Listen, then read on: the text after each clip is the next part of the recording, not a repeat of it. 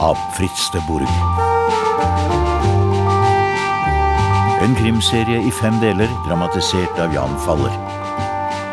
Musikk Sjur Miljeteig. Lyddesign Arne Barka. Regi Steinar Bertelsen.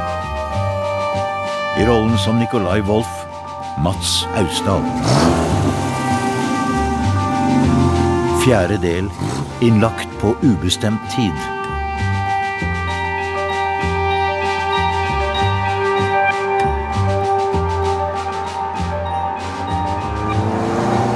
På veien hjem dukka Chevroleten opp igjen. Mer diskré denne gangen, litt lenger bak. Jeg gikk inn i huset og ut bakdøra og titta fram rundt hjørnet. Han hadde stoppa under kastanjetreet i svingen. Jeg gikk bak huset igjen. Klatra over gjerdet og gikk gjennom to hager og kom ut i Spinnerigata. Gjennom bakvinduet så jeg silhuetten av den bredbremma hatten. Jeg gikk raskt opp på sida av bilen. Reiv opp døra på passasjersida og heiv meg inn. Nå skal du sitte helt rolig og holde henda på rattet. Et rundt, barneaktig fjes stirra på meg. Han kunne ikke være mer enn 2-23 år. Hvorfor følger du etter meg? Jeg er privatdetektiv med lisens, og jeg er ute i lovlig oppdrag. Og det er å skygge meg? Det er en sak mellom eh, meg og min oppdragsgiver. Mm, Få se på lisensen din. Ja.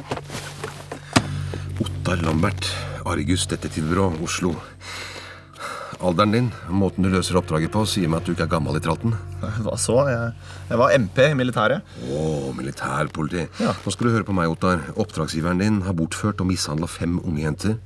Du vil for all del ikke bli involvert i dette, for da er karrieren din over før den har begynt. Det du skal gjøre, det er å gi beskjed om at du trekker deg fra hele oppdraget. Og så skal du gi alle opplysninger om oppdragsgiveren din til meg eller Ulla Stevenson ved Drammen politikammer. Deretter drar du tilbake til Oslo og sier du deg i kast med en eller annen koselig sak som ikke er fullt så farlig for deg. Sett at det er riktig, det du sier nå. Hva om jeg i stedet løser saken? Hvis jeg finner jentene, så vil karrieren min bli lang og lønnsom. ikke sant? Navn er jo alt i denne bransjen. Glem det. Disse menneskene spiser sånn som deg til Ja, frokost. du vil ha saken for deg selv, skjønner jeg. Og fange disse farlige folkene og få hele æren. Det er politiets jobb. Jeg vil bare finne jentene. Ja, men Da kan ikke jeg skjønne annet enn at du trenger navnet på kontakten min. jeg. Så hva om vi samarbeider? Du er journalist, du kan få artikkelen din, mens eh, jeg får æren og berømmelsen. Tja. La meg først få høre om det er verdt det. Hvem er oppdragsgiveren din? Har han et navn? Eller har du bare telefonnummer? Jeg har uh, både telefonnummer og navn og adresse. Da har de lurt deg. Ja, du tror det? Jeg sa jo at jeg har vært uh, MP, men jeg sa ikke hvor. Jeg satt på Kolsås inne i fjellet. Jeg var eh, militærpolitiets mann i kommandosentralen der. Gammelen min er oberst der. Og vet du hva de driver med inne i det fjellet? Nei, og det er vel ikke meningen at jeg skal vite heller? er det? Nei, det? det er riktig, men jeg vet det. Og jeg har mine kontakter. Og når kunder ikke vil gi meg noe annet enn et telefonnummer, da blir jeg skikkelig nysgjerrig. Så jeg tok eh, kontakt med vennene mine i betongbunkeren og fikk sporet telefonen til en liten kvistleilighet i Drammen, som blir leid av en sjømann som ingen har hørt om. Som sagt, de har lurt deg. Ja, hvis jeg hadde stoppet der, så. Men i stedet så fikk jeg gutta til å sjekke hvem som betaler for både den tomme leiligheten og telefonen som står der. Ja, Nå begynner det å bli interessant. Ja, gjør det ikke det? Men jeg har ikke tenkt å fortelle det til deg. I hvert fall ikke nå. For alt jeg vet, så kan du ha pumpet meg full av, av dritt. Kanskje det er du som holder disse jentene fanget i kjelleren? Kanskje jeg tok feil. Kanskje er du smartere enn du ser ut. Men det er greit. Jeg skal kjøpe pakka. Du får æren, jeg får stå inn. Ok. Jeg skal bare sjekke et par ting først, ja, men hvis det du sier stemmer, så, så har vi en avtale. Jeg ringer deg, ok? Greit. Da regner jeg med å slippe å se deg i bakspeilet heretter. Ja, selvfølgelig. Man spionerer jo ikke på sine partnere. Jeg gikk inn og forsøkte å få orden i alle de nye opplysningene. Jeg tegna på et stort ark bokser med navn Lier psykiatriske, Farmex, Norsk misjon blant hjemløse, The Renegades, Samuel Jacobsen, mannen med postboks 209. Det var bare noen få navn jeg ikke klarte å plassere i boksene. En av dem var disponent Ropstad. Jeg tegna piler hit og dit, det så fint ut. Problemet var at jeg ikke ante hvor jentene kunne være. Det er Wolf. Hei, jeg prøvde å få tak i deg. Jeg har vært ute. Har jeg gjort noe galt? Noe mer galt, mener du? Nei, noe er det sikkert, men det er ikke derfor jeg ringer. Er du alene? Alltid alene. Ok, jeg er hos deg om et kvarter. Hun kom etter ti minutter. I uniform, men uten patruljebil og blålys. Det slo meg plutselig hvor vakker hun var, selv i den kjønnsløse uniformen. Så det er her du bor? Ja. Leier du møblert? Hvordan det? Nei, det er ikke helt deg. Bull og kaffe? Jeg drikker ikke kaffe. Te, da? Ja takk. Med melk. Uten sukker. Da mener du at leiligheten ikke er helt meg? Nei, det er fint her, altså. Malerier og greier. Ja, de er ikke mine. Er det Nei, det ser ut som en monet. Nei, du tuller. Ja, akkurat det er mitt. Å? Det er et falskneri, men det er en lang historie på. Du, den telefonen jeg fikk av deg i dag tidlig Ja, beklager det. Det ble litt for mange kaffekopper, og jeg ble litt hyper. Ja, Ikke ring fullt så tidlig neste gang. Du sa at Laila hadde vært på Lier psykiatriske. Hvor har du fått det fra? Jeg sa jo det. Fra en kilde. Kan jeg få spørre hvem det var? Vedkommende ønsker å være anonym. Vær så god. Takk. Skal vi sitte oss? Du, En av dem som fikk brevet fra Elias Karlsen, var sykepleier på Lier. Var sykepleier på Lier? Ja, Else Nystuen. Hun er død. Død? Ja, Hva i helvete? Hva har skjedd? Hun ble funnet i trappeoppgangen. Ingen har sett hva som har skjedd, etter det vi vet. Jeg spurte om hun kunne skaffe meg journalen til Laila, eller Martha Larsen, som hun het da hun var på Lier. Og nå er hun død. Det var ingen ulykke. Jeg tror jeg venter på obduksjon før jeg konkluderer, men jeg blir litt nysgjerrig på den journalen. Kan du ikke kreve å få den utlevert? Ikke uten en rettskjennelse, og for å få det må jeg ha en sak. Og det har vi ikke. Iallfall ikke før obduksjonen.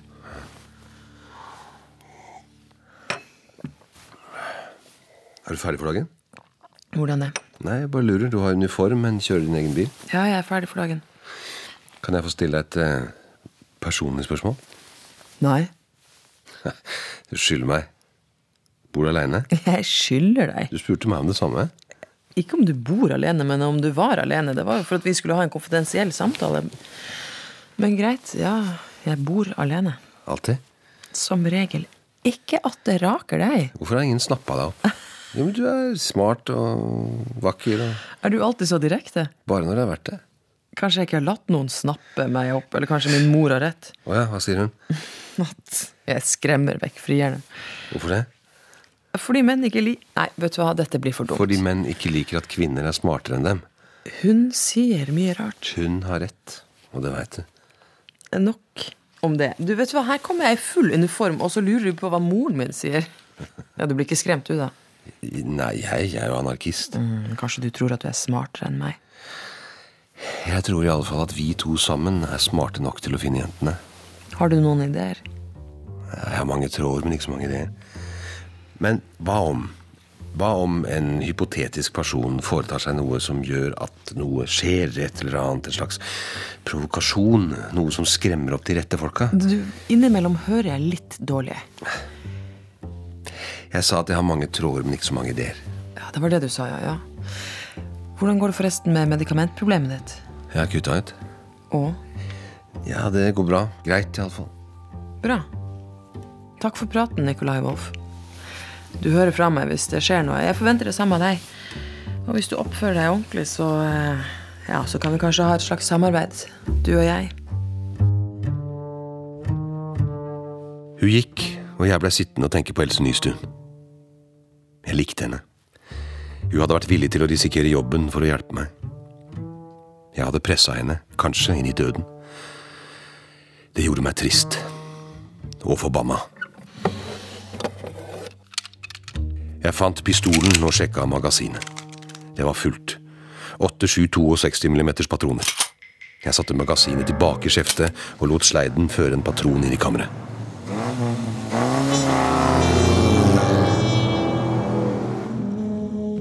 Jonny Eilertsen bodde i et lite hus i skauen, langt fra nærmeste nabo. Han så ut til å være aleine. Iallfall sto det bare én bil på tunet. Jeg sto klar med pistolen idet han åpna. Du? Hva faen gjør du her? Åssen går det med beinet? Jeg sa jeg skulle ta det andre om et halvt år, men det var ikke sant. Jeg tar det i dag hvis ikke du forteller meg det jeg vil vite. Jeg har fortalt deg det jeg veit. Jeg har ikke noe mer å si. Hva faen?! Den neste kula sitter i det kneet du har igjen. Nå skal vi to gå pent og rolig inn i stua og ta en prat. Din jævla tulling. Han humpa på krykkene inn i en overraskende ryddig stue og slapp seg ned i en sliten lenestol. Du veit ikke hva du har rota deg inn i. Kanskje ikke, men nå har du muligheten til å fortelle meg om det. Hvor er Laila? Hm? Hvor er Oline og de andre jentene? Jeg veit ikke. Hæ? Vent, vent, vent, vent. Ikke skyt, ikke skyt. ikke skyt Jeg veit ikke hvor de er, eller om de lever, men for tre år siden kjørte en bil inn på tunet foran klubbhuset. Eh, eh, En mann kom ut. Åssen så han ut? Nei, høy, tynn, mellom 40 og 50. Det var mørkt. Jeg, jeg så han ikke særlig godt. Han sa vi skulle få 10 000 for å hente ei tatejente. Hente ei tatejente? Kidnappe kalles det. Og det var ikke bare én? Nei, de ville ha fire. I den konvolutten dere stjal fra huset til Elias Carlsen, var det bilder av fem jenter. Ja, Den ene daua, og de ba om en ny. Det måtte visst være fire. De, hvem de? Nei, Jeg traff bare han ene mannen den gangen. Ja. De henta jentene om natta og la igjen penger. Eh, kommuniserer dere med dem? Ja, De ringer vårs. og Hvis vi skal ha tak i dem, bruker vi en postboks i Drammen. Postboks 209? Registrert på Samuel Jacobsen? Ja, Og hvem er det? Jeg veit ikke. Jeg veit ikke om han fins engang. Men det er disse folka som ba dere om å holde øye med meg. Ja. Hva veit du om Øvre Sund gård? Eh, det er en restaurant. Jeg fant en faktura i klubblokalet deres, utstedt av Øvre Sund til et bilfirma i Drammen. Har du noen forklaring på det? Nei. Hæ? Vent, vent, vent. Ikke, ikke, ikke skyt! Ikke skyt. Det, ok, det hender vi tar på vårt eh, oppdrag med å inndrive gjeld. Det kan ha vært derfor. Og hvem av dere var det som grisa til inngangsdøra mi? Ikke meg. Jeg har vært på sjukehus eller sittet i en stol her siden jeg så deg sist. Åssen veit dere at jeg har en mormor som var jøde? Hører du ikke hva jeg sier, eller? Jeg har ikke peiling på hva som har skjedd de siste dagene. Jeg vil ikke ha noen av dere etter meg mer, er det klart? Jeg tar ikke fem øre for å sette et skudd i kneet ditt. Eller noen andres.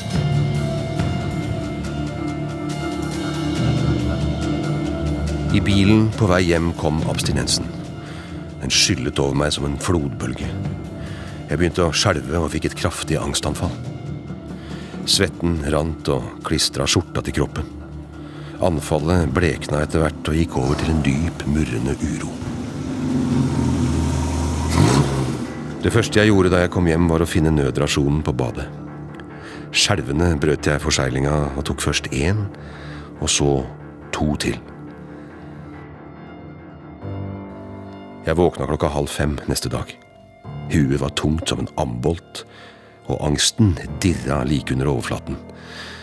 Jeg greip etter pilleboksen for å bringe orden i kaoset igjen, før jeg fant nummeret til Øvre Sund gård. Ja, Øvre Sund gård, de snakker med hovmester Ludvigsen. God dag. Hva kan jeg hjelpe dere med? Ja, god dag. Mitt navn er Nicolai Wolff. Kan jeg få snakke med Akselsen? Dessverre, han har akkurat reist. Men øh, jeg kan sette dem over til disponent Ropstad hvis de ønsker. Hva sa de nå? Ropstad? Ja, det stemmer. Ja, øh, ønsker du å snakke med disponent Robstad, herr Woff? Nei, nei takk, det, det er ikke nødvendig. Er restauranten åpen i kveld? Selvfølgelig, det er, det er lørdag. Ja. Kan jeg da få reservere et bord for to? Det går bra, herr Wolf. Skal vi se. Hmm, ja, de får et koselig bord ved vinduet ut mot elven. Mange takk.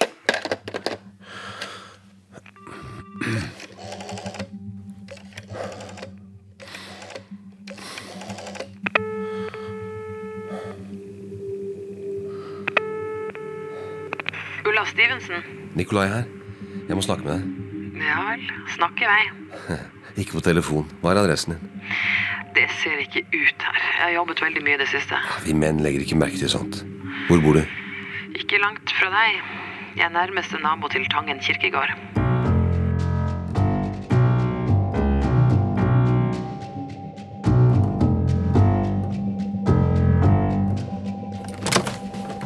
Hei, kom inn. Hei.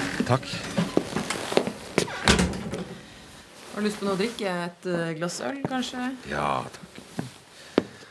Leier du også møblert?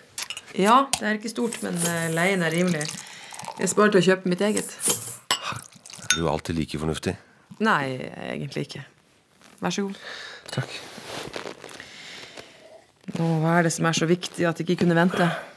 Det er to ting, egentlig. Jeg kan begynne med det som har med jobb å gjøre. Og nå blir jeg litt nysgjerrig, merker jeg. I går snakka jeg med Ivan Fevang. Kommunisten. Ja. Han fortalte at det foregår ting på Lier psykiatriske som ikke tåler dagens lys. Han er jo en kranglefant som ikke er enig med noen. Hvor troverdig er det? Jeg har fått bekrefta det meste av det han fortalte, og mer til, av en journalist i Drammens Tidende. De tester medisiner på pasientene. I samarbeid med et firma som heter Farmex. Hvis de sitter på slike opplysninger, hvorfor har de ikke skrevet om det? Fordi noen har sørget for å stoppe det. Her var det mange påstander. Ja, dette er en del av det puslespillet Elias Carlsen forsøkte å legge, og som jeg begynner å se konturene av. De brikkene jeg ikke har klart å plassere, er Akselsen og Ropstad. Men begge er knytta til Øvre Sund gård. Og så fant jeg en faktura fra Øvre Sund i lokalene til The Renegades. Ja, nå skal jeg innrømme at det begynner å bli litt interessant. Men hva vil du egentlig at jeg skal gjøre? Skal jeg taue dem inn og forhøre dem? Nei. Eh, og nå kommer vi til det andre, det som ikke bare har med jobb å gjøre. Eh, jeg har bestilt bord der i kveld. Vil du spise middag med meg på Øvre Sund? Nei, Men hva- skal det være godt for? Det kalles å more seg. Stadig flere gjør det. Spesielt på lørdagskveldene. Ja, ja, jeg vet ikke. Jeg, jeg er ikke vant til å gå på byen lenger. og Dessuten så leser jeg. Det kan vente. Nei, det kan egentlig ikke det. Hva leser du? Juss. Hvis jeg venter, blir jeg for gammel. For gammel til hva?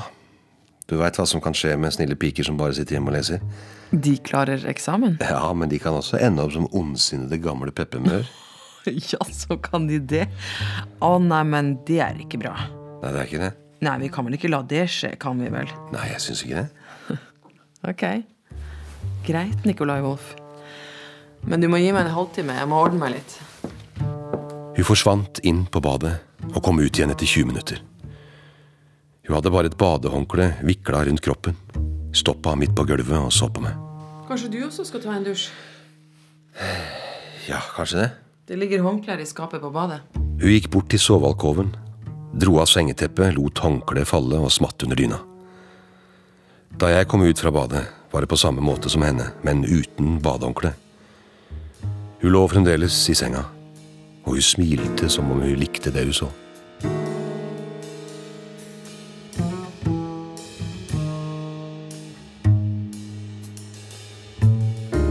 Etterpå lå vi tett sammen og slappa av.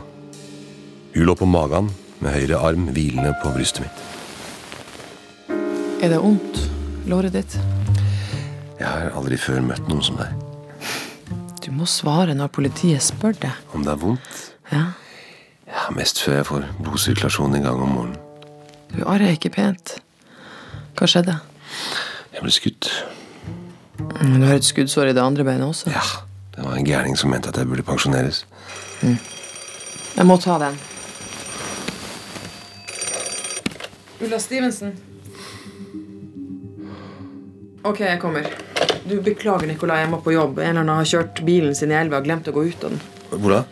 Rett nedenfor parken ved roklubben. Så du dumper meg allerede? Nei, nei, jeg satser på å rekke det. Det behøver ikke ta så lang tid. Jeg rasker med meg kjolen i bilen, så får vi bare håpe på det beste. Etter en kjapp fellesdusj kledde vi oss og dro. Hun tok sin egen bil, mens jeg dro hjem og skifta til slips og dressjakke.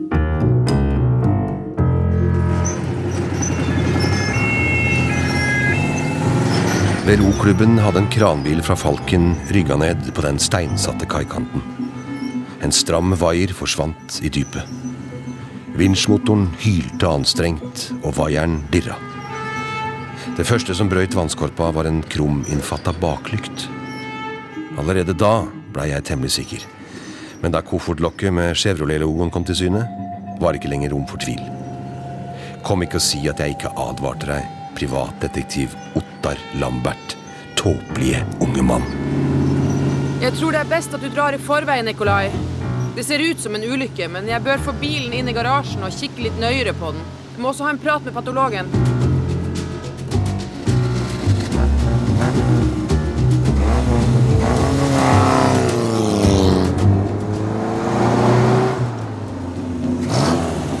Den ærverdige gamle herregården var opplyst som bursdagskaka til en hundreåring.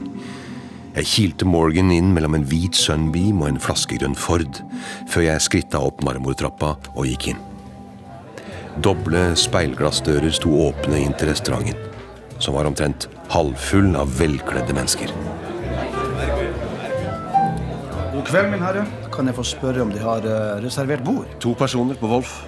Ja, skal vi se Ja, der har vi det, ja. Denne veien, herr Wolf. Det er ved vinduet. Ja. Vær så god. Ja, ønsker dere noe å drikke mens de venter? Ja takk. En dobbel whisky med is og 20 Blue Master. Det skal bli. Unnskyld, vet De om eh, disponent Ropstad er å treffe i kveld? Ja, Det er jeg ikke sikker på, men det kan jeg finne ut. Han forsvant i retning baren, og jeg kikka på de andre gjestene. De var i alle aldre over 20, men tyngdepunktet så ut til å ligge rundt de 30. De virka velbeslåtte og oppstemte. Snobbete, noen av dem. Dette var et innsted. Skal vi se Det var ah, ja, det var en dobbel whisky med is. 20 ble Master. Vær så god. Ja, Disponent Ropstad han er på kontoret sitt. Det er til venstre bak resepsjonen. Takk. Jeg gikk ut i hallen og til en mørklakkert dør med et prangende messingskilt.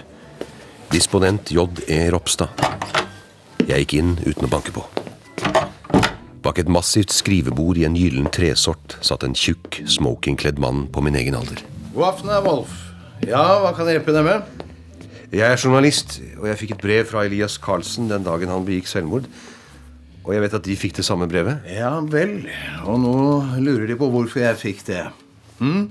Det gjør jeg også. Ærlig talt så aner jeg ikke. Men uh, mannen var vel gal, var han ikke det? Det er dessverre alt jeg kan si dem, så hvis de nå unnskylder meg Kjenner de til en eh, motorsykkelklubb ved navn The Renegades? Nei, vi pleier ikke å ha slike gjester her. Nei, Det var rart. Her har jeg en fakturakopi som antagelig burde ha vært i deres regnskaper. En regning på mat og drikke og overnatting utstedt av dere til et firma her i Drammen. Jeg fant den i lokalene til The Renegades. Ja vel. Ja, de får spørre dem, da. Ja, jeg tror heller jeg bare gir den til politi. Fordi Fordi politi kjenner godt til denne klubben, og de vil sikkert lure på hva dere har hatt med dem å gjøre. Herr Wolf, jeg har meg der. Dette er ærlig talt noe jeg ikke er veldig stolt av, men eh, saken er at denne bilimportøren som fakturaen er utstedt til, spiste og drakk og overnattet for store beløp her. Problemet var at de ikke gjorde opp for seg. Ja vel, og så? Firmaet ble slått konkurs, og eierne startet like etter opp på nytt i de samme lokalene med de samme varene som de hadde kjøpt opp fra konkursboet, og dette gjorde meg veldig provosert. Og Da jeg så en annonse fra noen som kjøpte opp usikre fakturaer, så tok jeg kontakt. Og Det viser altså å være denne motorsykkelklubben. Og jeg angret allerede da de svingte inn på gården her, for det så ut til å være noen ordentlig harde karer. Hvis de angra, så kunne de vel ha trukket dem fra avtalen? Ja, jeg kunne det, men det turte jeg altså ikke. Var det noe mer av Wolf? Jeg har svært mye å gjøre. Eh, nei, det er greit. Takk for at de tok dem tid. Jeg forlot ham uten å være stort klokere, bortsett fra én ting. Han likte ikke å få besøk av meg. Idet jeg kom inn i restauranten igjen, gjorde hjertet mitt et hopp. En kvinne i rød kjole satt ved bordet mitt. Men det var ikke Ulla. Det var en ung jente, neppe mer enn 18-19, med mørkt, langt hår og store, nydelige øyne. Eh, Jeg er redd dette er et reservert bord, frøken. Unnskyld så meget, men det er, det er så fullt her.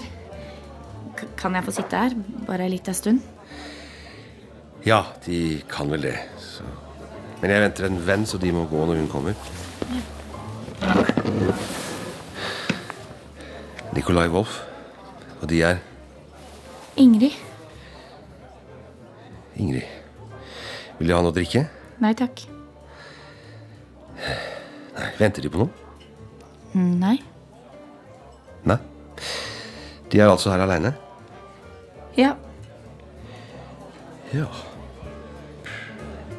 Er de her ofte? Nei.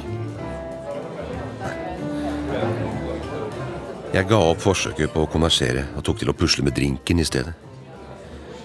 Da den var redusert til smeltende isbiter, hadde Ulla fremdeles ikke kommet. Jeg bestilte en ny, og enda en. Da jeg hadde sittet i en time, begynte jeg å bli lei av min tause borddame og det støyende klientellet. Jeg hadde akkurat bestemt meg for å gå da hovmesteren kom bort til oss. Herr Wolf. Nikolai Wolf. Det er eh, telefon til dem.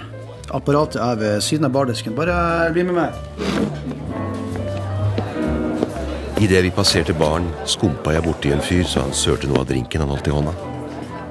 Han kasta et stygt blikk etter meg, men lot det bli med det. Det fikk meg til å tenke at det var på tide å prioritere mat framfor whisky. Hallo? Nikolai, er det deg? Ulla? Kommer du? Jeg Jeg venter på deg. Ja, jeg er redd jeg må jobbe utover natta. Husker du at jeg fortalte om han Tater som hadde drukna? At han hadde klort opp fingertuppene sine? Nikolai, er det der? Ja? Ja, han her har gjort det samme. Men hvorfor har han klort opp fingertuppene når han satt i en bil og bare kunne ha åpna døra? Nikolai, er det der? Hallo? Hallo, ja. Jeg eh, Du kommer ikke? Nei, beklager, jeg hadde veldig lyst, men det går altså ikke. Vi, vi skal ta det igjen en annen dag, du lover. Nikolai? Hører du meg? Er du full? Nei. Nei, da, jeg skal jeg, jeg, jeg, jeg må ut. Nikolai? Hallo? Hallo? Jeg måtte ut i frisk luft. Men en røslig skikkelse sto plutselig i veien for meg. Det var julenissen. Bortsett fra at han hadde mørk dress i år. Jeg har aldri likt det der med at han lurer barn, så jeg tok en sving med høyre knyttneve etter haka hans. Men han steppa til side, og jeg bomma. Jeg syns det var svært ufint gjort av. Det neste som skjedde, var at jeg fikk gulvet i ansiktet. Jeg prøvde å reise meg, men gulvet slo meg i ansiktet gang på gang.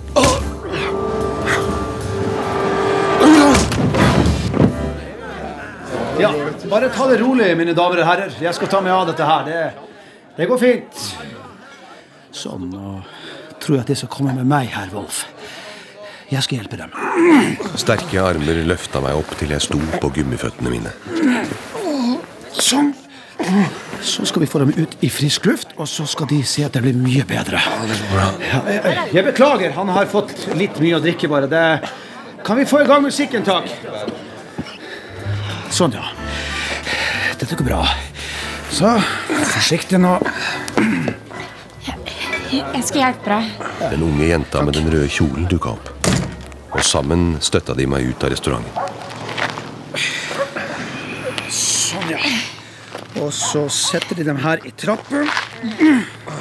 Sånn, så skal de se at det blir mye bedre om en liten stund. Og så passer du på at han ikke krabber noe sted. Ja.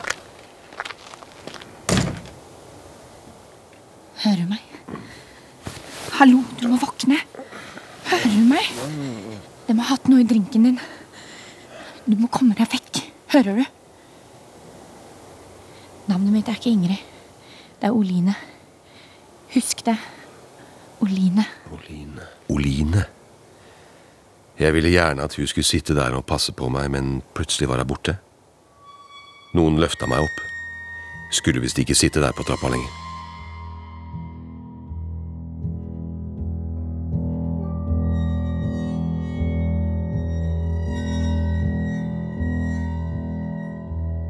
Jeg våkna en evighet seinere, på en hard seng. Hjernen hadde for liten plass i kraniet, og jeg var kvalm og redd. Jeg prøvde å sette meg opp, men klarte det ikke. Jeg dreiv vekk på ny inn i mørket. Så merka jeg at et kaldt lys fra to lysstoffrør bora seg gjennom øya og dypt inn i hodet. Rommet jeg lå i, var hvitt og nakent og hadde en grå ståldør med inspeksjonsluke. Hallo? Munnen min virka ikke. Jeg forsøkte å reise meg, men noen hadde mora seg med å stroppe meg fast på en stålrørseng. Hallo? Hjelp. Ja, hallo? Er det noen her? Hallo?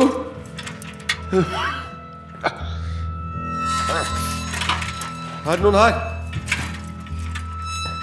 Hjelp! Plutselig blei inspeksjonsluka i døra åpna, og et par øyne glodde på meg. Så smalt den igjen, og døra åpna seg. En høy mann i hvit frakk kom inn. Som i sakte film registrerte den omtåka hjernen min at jeg hadde sett ham før. Det dukka til og med opp et navn der inne. Torleif Harberg. God dag. Nå, hvordan eh, føler du deg? Jeg har hatt bedre dager. Hvor lenge har jeg ligget her? Siden i går kveld. Du var svært aggressiv da du ble brakt inn. Du hadde delirium tremens. Få av meg disse reimene. Jeg er redd det ikke er opp til deg. Reimene er til ditt eget beste. Du er på lukteavdeling for avrusing og behandling. Jeg trenger ikke avrusing. Du er eh, morfinist. Du hadde lommene fulle av piller. Du skal løsne disse reimene og slippe meg ut herfra med en gang. Jeg forstår at du er urolig. Du skal snart få noe for det. Jeg vil snakke med Ulla Stevenson i politi. Dette skal gå bra. Men du må være forberedt på at det kan ta lang tid. Du har utviklet en alvorlig avhengighet. Hør her, din jævel. Du skal ringe Ulla Stevenson og fortelle henne at jeg er her. Ja, Det er en uh, trykknapp på sengekammen ved den venstre hånden din. Bruk den hvis det er nødvendig, men ikke mas. For da blir personalet bare irritert. Hei. Hei. Hei, kom inn. Ja, se det. Da har vi sykepleierne. De vil gi deg noe som får deg til å slappe av, så kan vi snakke mer senere. Hei. Hei. Har du våkna? Ja, du har vel ikke noe særlig matlyst, tenker jeg, men vi skal nok få i deg den næringa du trenger. Slipp meg løs. Han skal vel ha sprøyta først? Ja, ja. ja. ja nå skal du få noe som får deg til å føle deg mye, mye bedre. Jeg fikk ei sprøyte som fikk meg til å føle at livet var verdt å leve igjen. Plutselig var det ikke så farlig med reimene. Det var helt greit at de rigga til det de trengte for å ha meg stroppa fast en stund. Jeg tenkte bare gode tanker om dem. Og så forsvant jeg inn i en rosenrød tåke.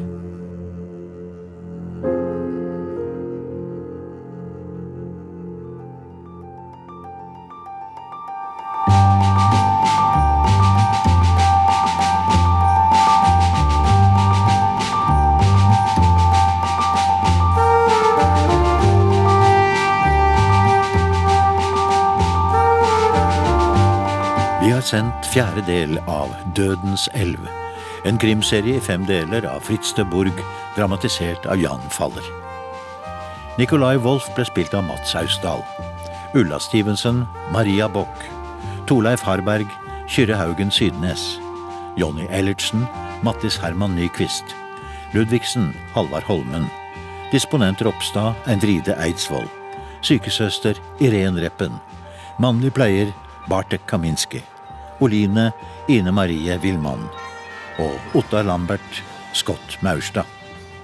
Dramaturg Else Barrat Due. Produsent Hege Katrine Bech Stabel. Musikken er komponert av Sjur Miljeteig og ble fremført av Jørn Øyen, Mats Eilertsen, Per Oddvar Johansen, Peder Kjelsby og Sjur Miljeteig. Musikkopptak Øystein Halvorsen. Lyddesign Arne Barka. Regi Steinar Bertelsen.